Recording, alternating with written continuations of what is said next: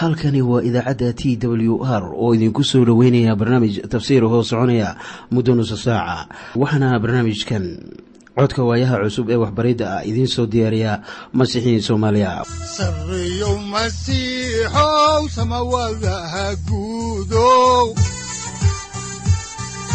Siraadki adduunkow subanaha eebow sareeyow masiixow samawadaha guudow siraadki adduunkow subanaha eebow adigoo samada jiro dhowaada dhegaystayaal barnaamijkeenna dhammaantiinba. Waxaan horay u sii ambaqaadi doonnaa daraasaadkii la magac baxay baibalka dhammaantii waxaannu caawa idiin bilaabaynaa injiilka sida yooxanaa uu u qoray oo aynu ugu hormarinayno horudhaciisa. Waxaannu bal caawa faaqidaynaa sidii injiilkan ku bilowday qoritaankiisa iyo asbaabtii loo qoray.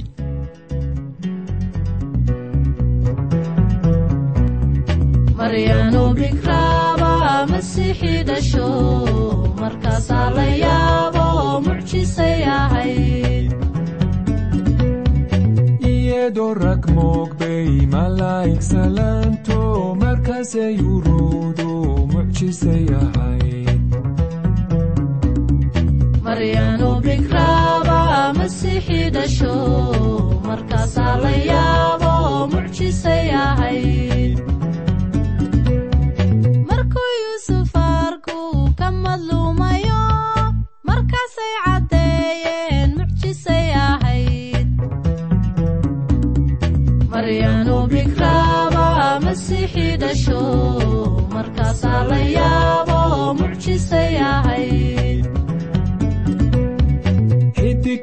masiixa maqawir arkeeno markaasay caddeeyeen mucjisay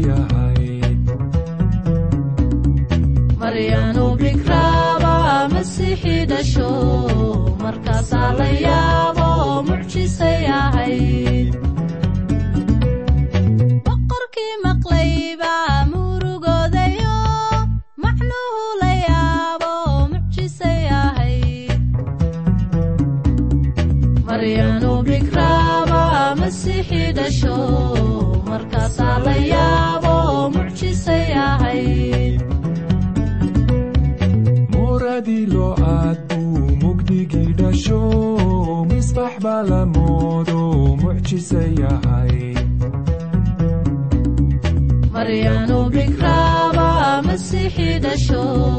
markaasaa la yaabo mucjisay ahayd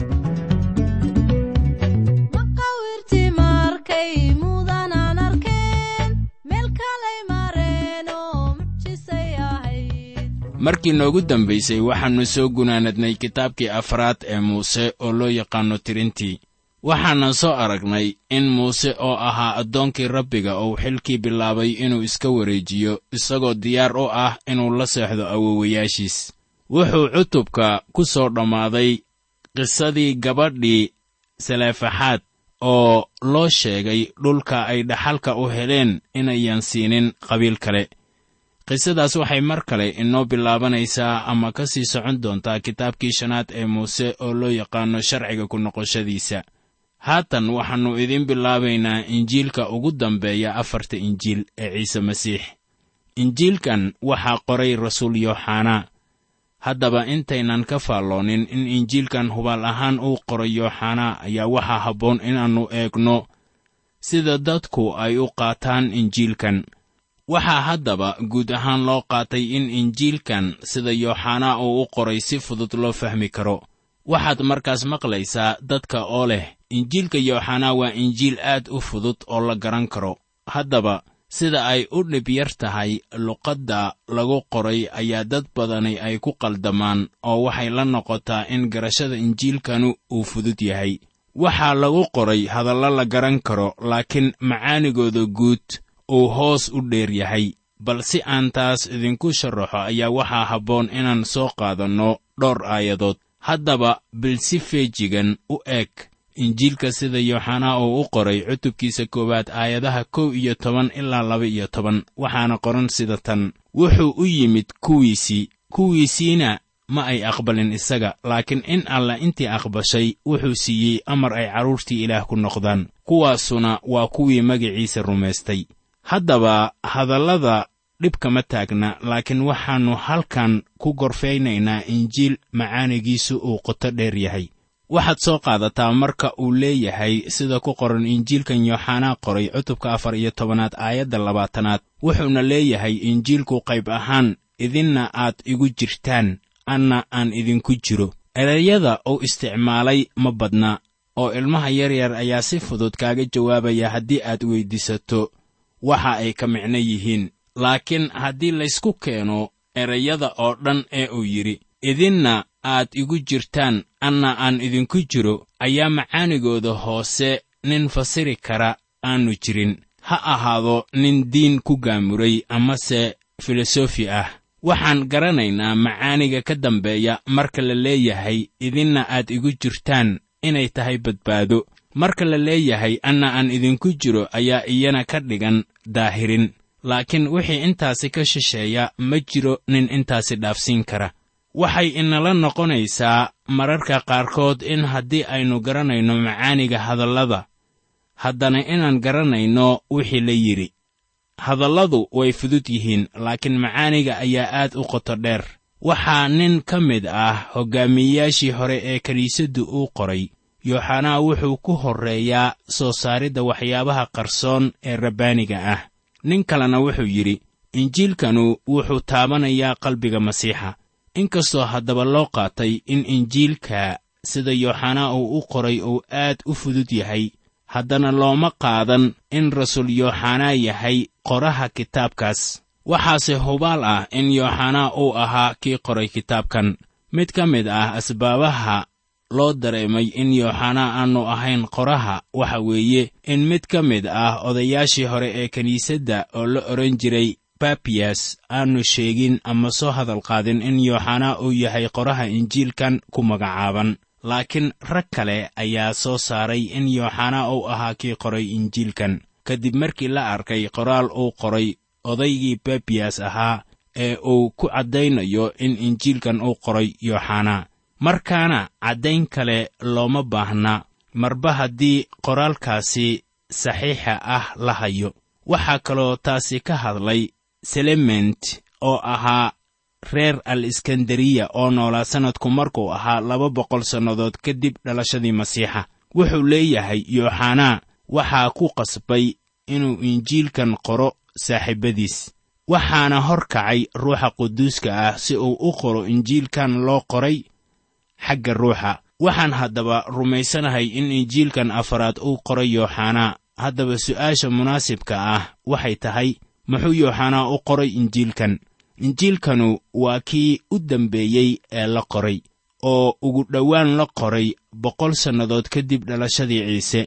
Rasuulladii kale oo dhanba way dhinteen oo qorayaashii ahdiga cusub oo dhan way wada dhinteen. Isaga oo keliya ayaa haray si markaasi aynu su'aashaasi kore uga jawaabno ayaannu u baahannahay inaannu eegno masaalo fara badan oo xaalkaasi laga qoray. Waxaa markaasi jira kuwo leh waxaa loo qoray sidii dawo loogu heli lahaa waxbarid khaldan oo ku timid kiniisadda oo wadatay bidcinnimo firqooyinkaasi bidciyiinta ah waxay rumaysnaayeen in ciise uu ahaa ilaah laakiin uusan bini'aadan ahayn oo rasuulladii inkastoo ay arkeen bay leeyihiin haddana hubaal ahaan uma ayan arkin isaga. Oday kale oo ka mid ahaa kiniisadihii hore ayaa leh danta yooxanaa waxay ahayd inuu kula doodo bidciyiinta waxa ay aaminsanaayeen. Laakiin oday kale ayaa leh isna injiilku ma ahan mid dood loo qoray oo yooxanaa injiilkan arrinkaasi uma qorin. Waxaa kaloo haddaba jira kuwo leh waxaa injiilkan loo qoray inuu gunaanad u noqdo saddexdii injiil ee horay loo qoray wuxuuna ku daray qoraallo kale. Waxaase taasi diiday qoraa kale oo leh injiilkan looma qorin in meelo bannaan lagu buuxiyo. Markaasoo arki maysid in masaaladan ayan jawaab inagu filan inaga siinaynin qisooyinka xaqiiqooyinka cajiibka ahi ay ku laran yihiin ee ku qoran injiilkan. Balse haddii ay jirto sharaxaad dhab ah jawaabta su'aasha ah maxaa loo qoray injiilkan?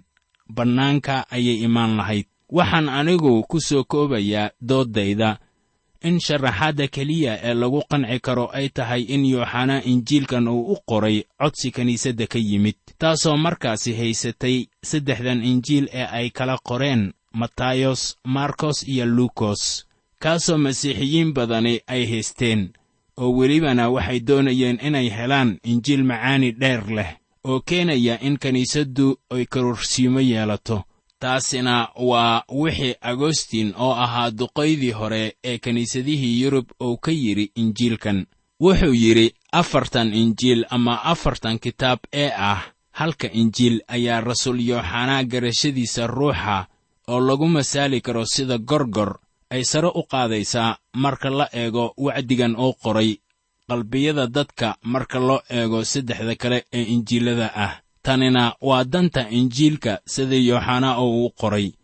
Sababtaas weeye waxa uu u qoray iyadoo haddaba dannigu sidaas yahay ayaannu yooxanaa marnaba ka hadlaynin ama aannu diiradda saaraynin magaalo ama tuulo ciise uu ku dhashay wuxuu ku bilaabayaa injiilkiisa bilowgii waxaa jiray hadalka. Hadalkuna wuxuu la jiray ilaah. Hadalkuna wuxuu ahaa ilaah. Dadka qaar baa leh dunida waxay bilaabatay saddex bilyan oo sannadood ka hor. Waxaan u malaynayaa kuwa sidaa leh inaanay waxba dunida ka ogeyn waayo waxaan malaynayaa inay intaasi ka hor bilaabatay. Maxay kula tahay in ilaah uu samaynayay beri hore ma waxay kula tahay inuu iska fadhiyey. Waxaan kugu leeyahay howlo aad u badan buu hayey wakhti weligiis jiray ayaa soo dhaafay dunidan. Markii aad akhriso bilowgiina ayaad maskaxdaada gadaal u noqaysaa oo waxaad isleedahay waa wakhti weligiis ah oo aan xisaab lahayn oo ciise masiixna wuxuu ka yimid wakhtigaasi weligiis ah inuu inala kulmo aawadeed haddaba waxaa qoran bilowgii waxaa jiray hadalka laakiin lama odhan bilowgii waxaa jira hadalka oo looma jeeda in hadalku uu bilowday bilowgii laakiin wuu ka sii horreeyey oo hadalku wuxuu la jiray ilaah oo hadalku wuxuu ahaa ilaah. Sida ku qoran yooxanaa cutubka koowaad aayadda koowaad dabeeto hoos u soo dhaadhac ilaa iyo balaayiin sannadood oo waxaa timaada yooxanaa cutubka koowaad aayadda saddexaad oo leh wax walba waxaa laga sameeyey xaggiisa oo wixii la sameeyey lama samayn isaga la'aantii. Markaasaa yooxanaa aayadda afar iyo tobanaad haddana tillaabo kale uu qaadayaa oo wuxuu leeyahay hadalkuna jir buu noqday oo waa ina dhex joogay oo waxaannu aragnay ammaantiisii taas oo ahayd ammaantii u ekayd tan wiilka keliya ee aabbaha ee nimco iyo run ka buuxa. Marka ay halkan joogto ayaa filosofiyiinta iyo nimanka giriigta ahiba ay halkaasi ku harayaan iyagoo leh macaaniga aayadaha wuu baaxad dheer yahay oo maskaxdayada ma xamili karto ha yeeshee injiilkan yooxanaa cidna looma qorin. Sida saddexdii hore ee injiilka kuwaasoo dadka qaaska ah loogu tala galay sidii aynu horayba idinku soo sheegnay markaasuu horay u sii watay hadalladiisii sida ku qoran injiilka sida yooxanaa uu u qoray cutubka koowaad aayadda siddeed iyo tobanaad. Waxaa qoran sida tan. Ninna ma arkin ilaah marnaba wiilka keliya oo laabta aabbaha ku jira kaasaa inoo sheegay. Marka la leeyahay inoo sheegay ayaa taasu sharaxaad ay isaga ka bixinaysaa oo waxay keenaysaa taasu meel dadka oo dhan ay ka arki karaan waxa uu yahay oo ay ugu imaanayaan inay isaga gartaan waxa uu yahay. Ciise masiix waa kan aan bilow lahayn oo ah wiilka. Kan yimid wakhti daa'im ah. Luukos oo ahaa dhakhtar ayaa yooxanaa ku eegay weynayso. Inkastoo qaabka yooxanaa wax uu u qorayo uu ka beddelan yahay kiisa haddana yooxanaa wuxuu imaanayaa go'aan la mid ah kii luukos markaana ninna ma odhan karo qoraalladan yooxanaa waa kuwo ku dhisan cilmi saynis. Masiixiyiinta yaqaana ama leh aqoonta masiixa oo isaga rumaysan ayaan u baahnayn inay ismoogaysiiyaan dhalashada masiixa uu ka dhashay bikradda. Markaana markii qofku u yimaado injiilkan yooxanaa wuxuu helayaa farxad iyo iididiilo marka uu akhriyayo iyo marka uu daraasaadka ku samaynayo injiilkan haddaba markii aad u kuurgasho waxaad odhanaysaa in injiilkan loo qoray dadka masiixiyiinta ah ee aan loo qorin kuwa doonaya inay wax ka ogaadaan masiixinimada. Si kastoo ay tahayba masiixiyiinta badankooda waxay u haystaan in injiilkani uu yahay mid sahlan. Miyuu haddaba sahlan yahay? Waa injiil tafatiran oo macaanigiisu qoto dheer yahay oo waxaa leh kuwa rumaysan masiixa wuxuu kuwaasi siinayaa aqoon dheer oo howsha ay masiixa u hayaanina. Waa kordhaysaa injiilkanu ma ahan sida la moodayo ama ma fududa. Haddii aad doonayso inaad dadka wax barto waxaad marka hore ku bilaabaysaa saddexda injiil ee kale. Markii ay soo wada arkaan ayay munaasab noqonaysaa inay kana arkaan. Haddaba yooxanaa ma ahan nin ciyaar ciyaar loo qaadan karo waxaase uu ahaa nin xikmaddiisu ay sarrayso. Kutubtanna waxaa loo qoray kuwa rumaysan ciise masiix. Waxaad kaloo arkaysaa in rasuul yooxanaa uu wakhti badan u huray inuu ka hadlo sarakiciddii masiixa taasoo ka badan rasuullada intay ka hadleen oo kale. Bawlos ayaa leh in kastoo aynu xagga jidhka ka garanaynay isaga ayaynan haatan jir ahaan isaga garanaynin waxaanse haatan u wada garanaynaa inuu yahay masiixii sare kacay. Sababtaas aawadeed ayaa yooxanaa wuxuu haatan doonayaa inuu inoo sheego sidii macquul ahaan ciise ahaa kadib markii la sare kiciyey. Wuxuuna inoo sheegayaa toddoba muuqaal oo uu ahaa ama noqday. Muuqaalkii koowaad waa markii uu beerta getsemaane ugu muuqday maryantii reer magdala. Muuqaalkii labaadna waa kii uu xerta ugu muuqday qowladdii sare markaasoo uusan joogin toomas muuqaalkii saddexaadna wuxuu ahaa markii uu kol labaad xerta ugu muuqday qowladdii sare markaasoo uu toomas joogay. Haddaba muuqaalladaasu waxay ku qoran yihiin cutubka labaatanaad ee injiilkan yooxanaa ku magacaaban. Waxaan kaloo arkaynaa kii afaraad isagoo ugu muuqday badda galilii waxaana halkaasi joogay dhowr ka tirsan xerta wuxuu uga yeedhay kalluumaysigoodii wuxuuna ku yidhi war miyaad qabateen wax kalluun ah? Taasuna waxay ku qoran tahay injiilka sida yooxanaa uu u qoray cutubka kow iyo labaatanaad aayadda shanaad. Markii shanaad ayuu wakhti subaxnimo ah iyaga u muuqday. Dabeetana wuxuu xil u dhiibay simon butros markaasoo uu ku lahaa simonow ma ii jeceshahay? Sida ku qoran cutubka kow iyo labaatanaad aayadaha shan iyo toban ilaa toddoba iyo toban ciise masiix marka aad u adeegayso lagaa dooni maayo inaad jaamacad ka qalin jibisay. Wuxuu ku leeyahay oo keliya ma i jeceshahay. Taas ayaa shuruud ah. Haddaba ha i fahmi waayin haddii aad doonayso inaad u adeegto weliba waxaad doonaysaa in hawsha aad u qabanayso lagu tababaro. Haddaba bal aynu haatan fiirinno rajadii dunidii karaahiyada ahayd markii masiixu uu ku dhalanayay dunidan waxyaabo yaab leh ayaa dhacay. Waxaa dunida ku jiray rajo hubaal ah oo ku faaftay dhulkii bariga oo sheegaysay in hoggaamiyaha dunida uu isla wakhtigaasi ku dhalan doonay ama ka soo daahiri doonay yuhuudiya. Waxaa warbixintaa la mid ah qoray rag fara badan oo iskeel ayaa wuxuu leeyahay niman wadaadda ah oo budhism ah oo u socday dalka shiinaha ayaa la kulmay culimmo ama shuyuuq u sii socota inay soo arkaan masiixa meesha uu ku dhalan doonay waxayna ahayd bay leeyihiin taariikhda saddex iyo soddon sannadood kadib dhalashadii masiixa. Haddaba dunida oo dhan waxaa ku faafay rajo ah in wakhtigaasi uu imaanayo masiixu waxaanay ahayd dhulkaasi bariga halkii raggii xikmadda lahaa ee yeruusaalem yimid ay ka yimaadeen iyagoo leh aaway boqorka yuhuudda oo aannu xidigtiisii bari ka aragnay. Haddaba tan xiisaha leh ayaa waxay tahay in injiilkan yooxanaa oo ay leeyihiin masiixiyiinta in haddana loo qoray dadkii bariga. Dadkii bariga waxaan ula jeedaa reer masar reer baabilon reer bershiya iyo malaayiinta deggan hindiya iyo shiinaha weliba maalintan wanaagsan waxaannu in yar ka garanaynaa dunidaas baaxadda weyn leh. Haddaba raggaasu meeshii ay ka yimaadeen la garan maayo. Ma waxay ka yimaadeen tibet mise mongooliya weli halkaasu sideedii bay tahay oo wax isbeddel ah kama jiraan.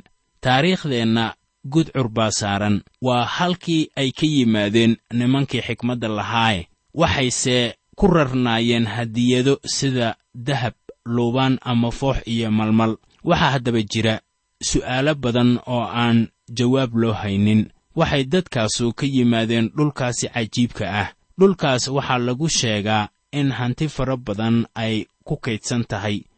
Waxaa kaloo la sheegaa in colombas markii uu ameerika helayey waa qaaradda ameerika ah aannu u soconin ameerika qudheeda iyo inuu qaarad helo.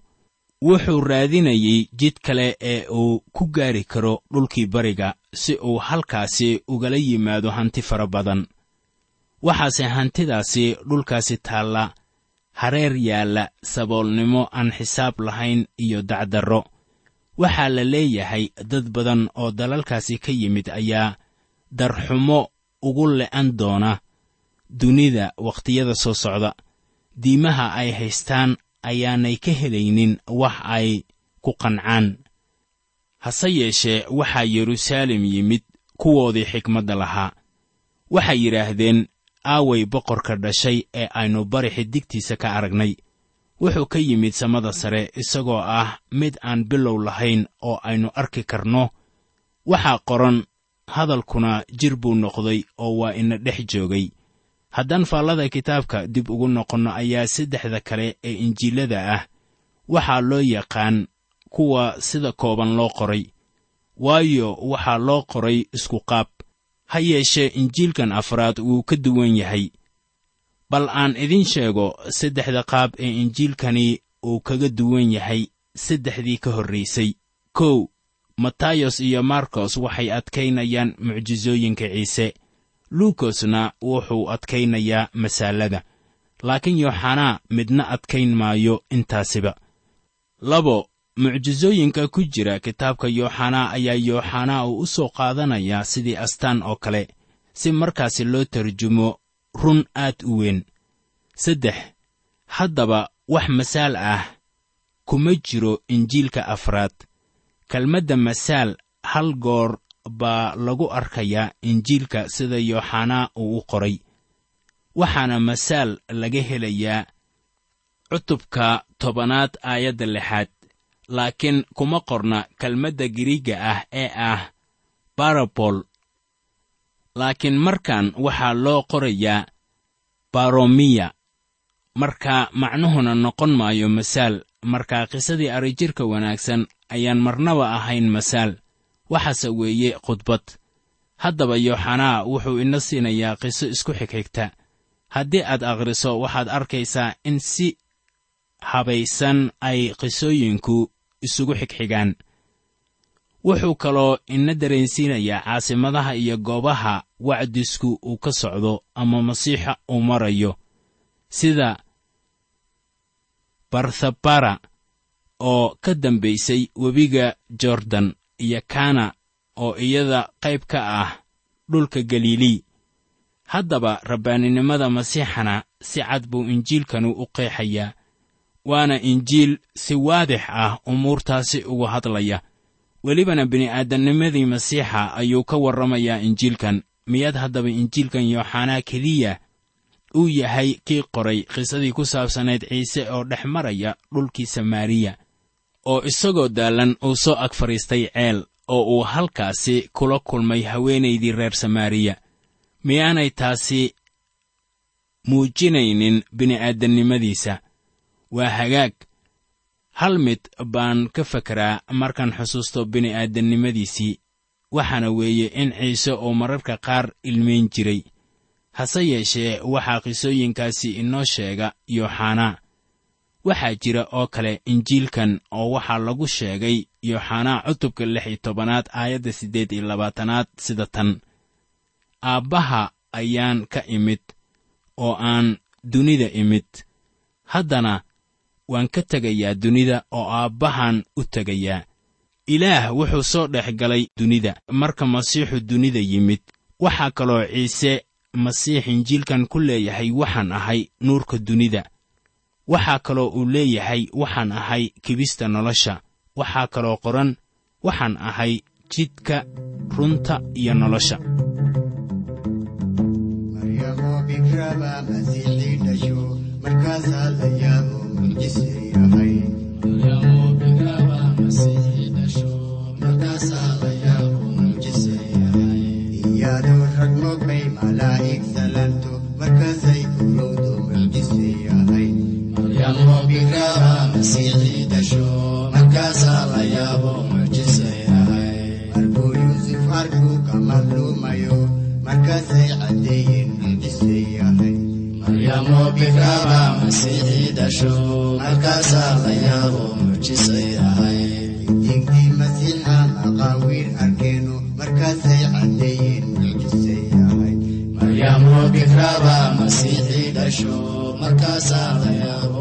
arkuu ka madluumayo markaasay caddeeyeen mucjise yahay digdii masiixa maqaawiir arkeeno markaasay caddeeyeen mucjise yahay boqorkii maqlay baa murugoodayo micnuhu la yaabo mucjise yahay goradii loo adku digii dhasho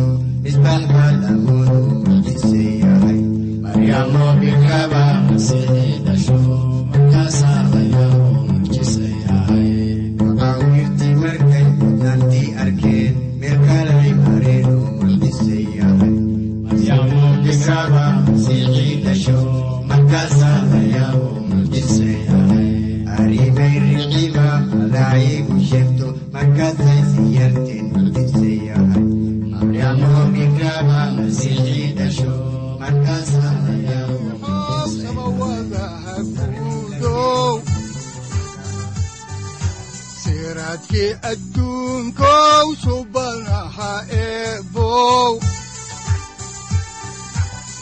adigoo samada jiro ifkan soo saldhiganba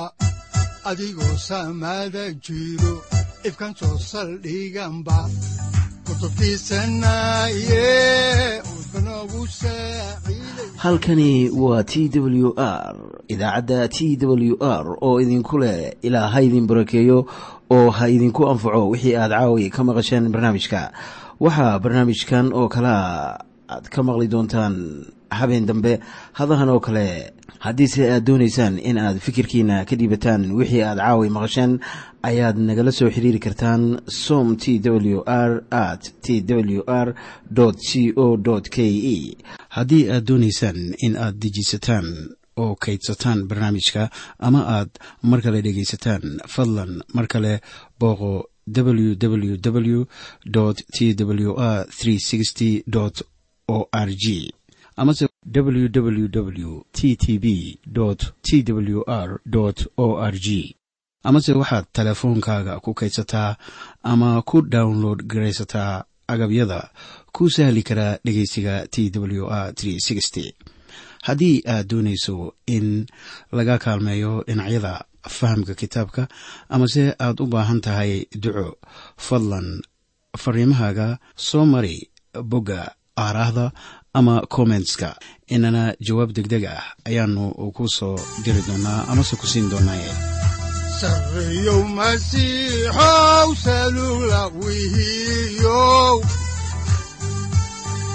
saacadda timid dhulka sabada ku dhalatiyo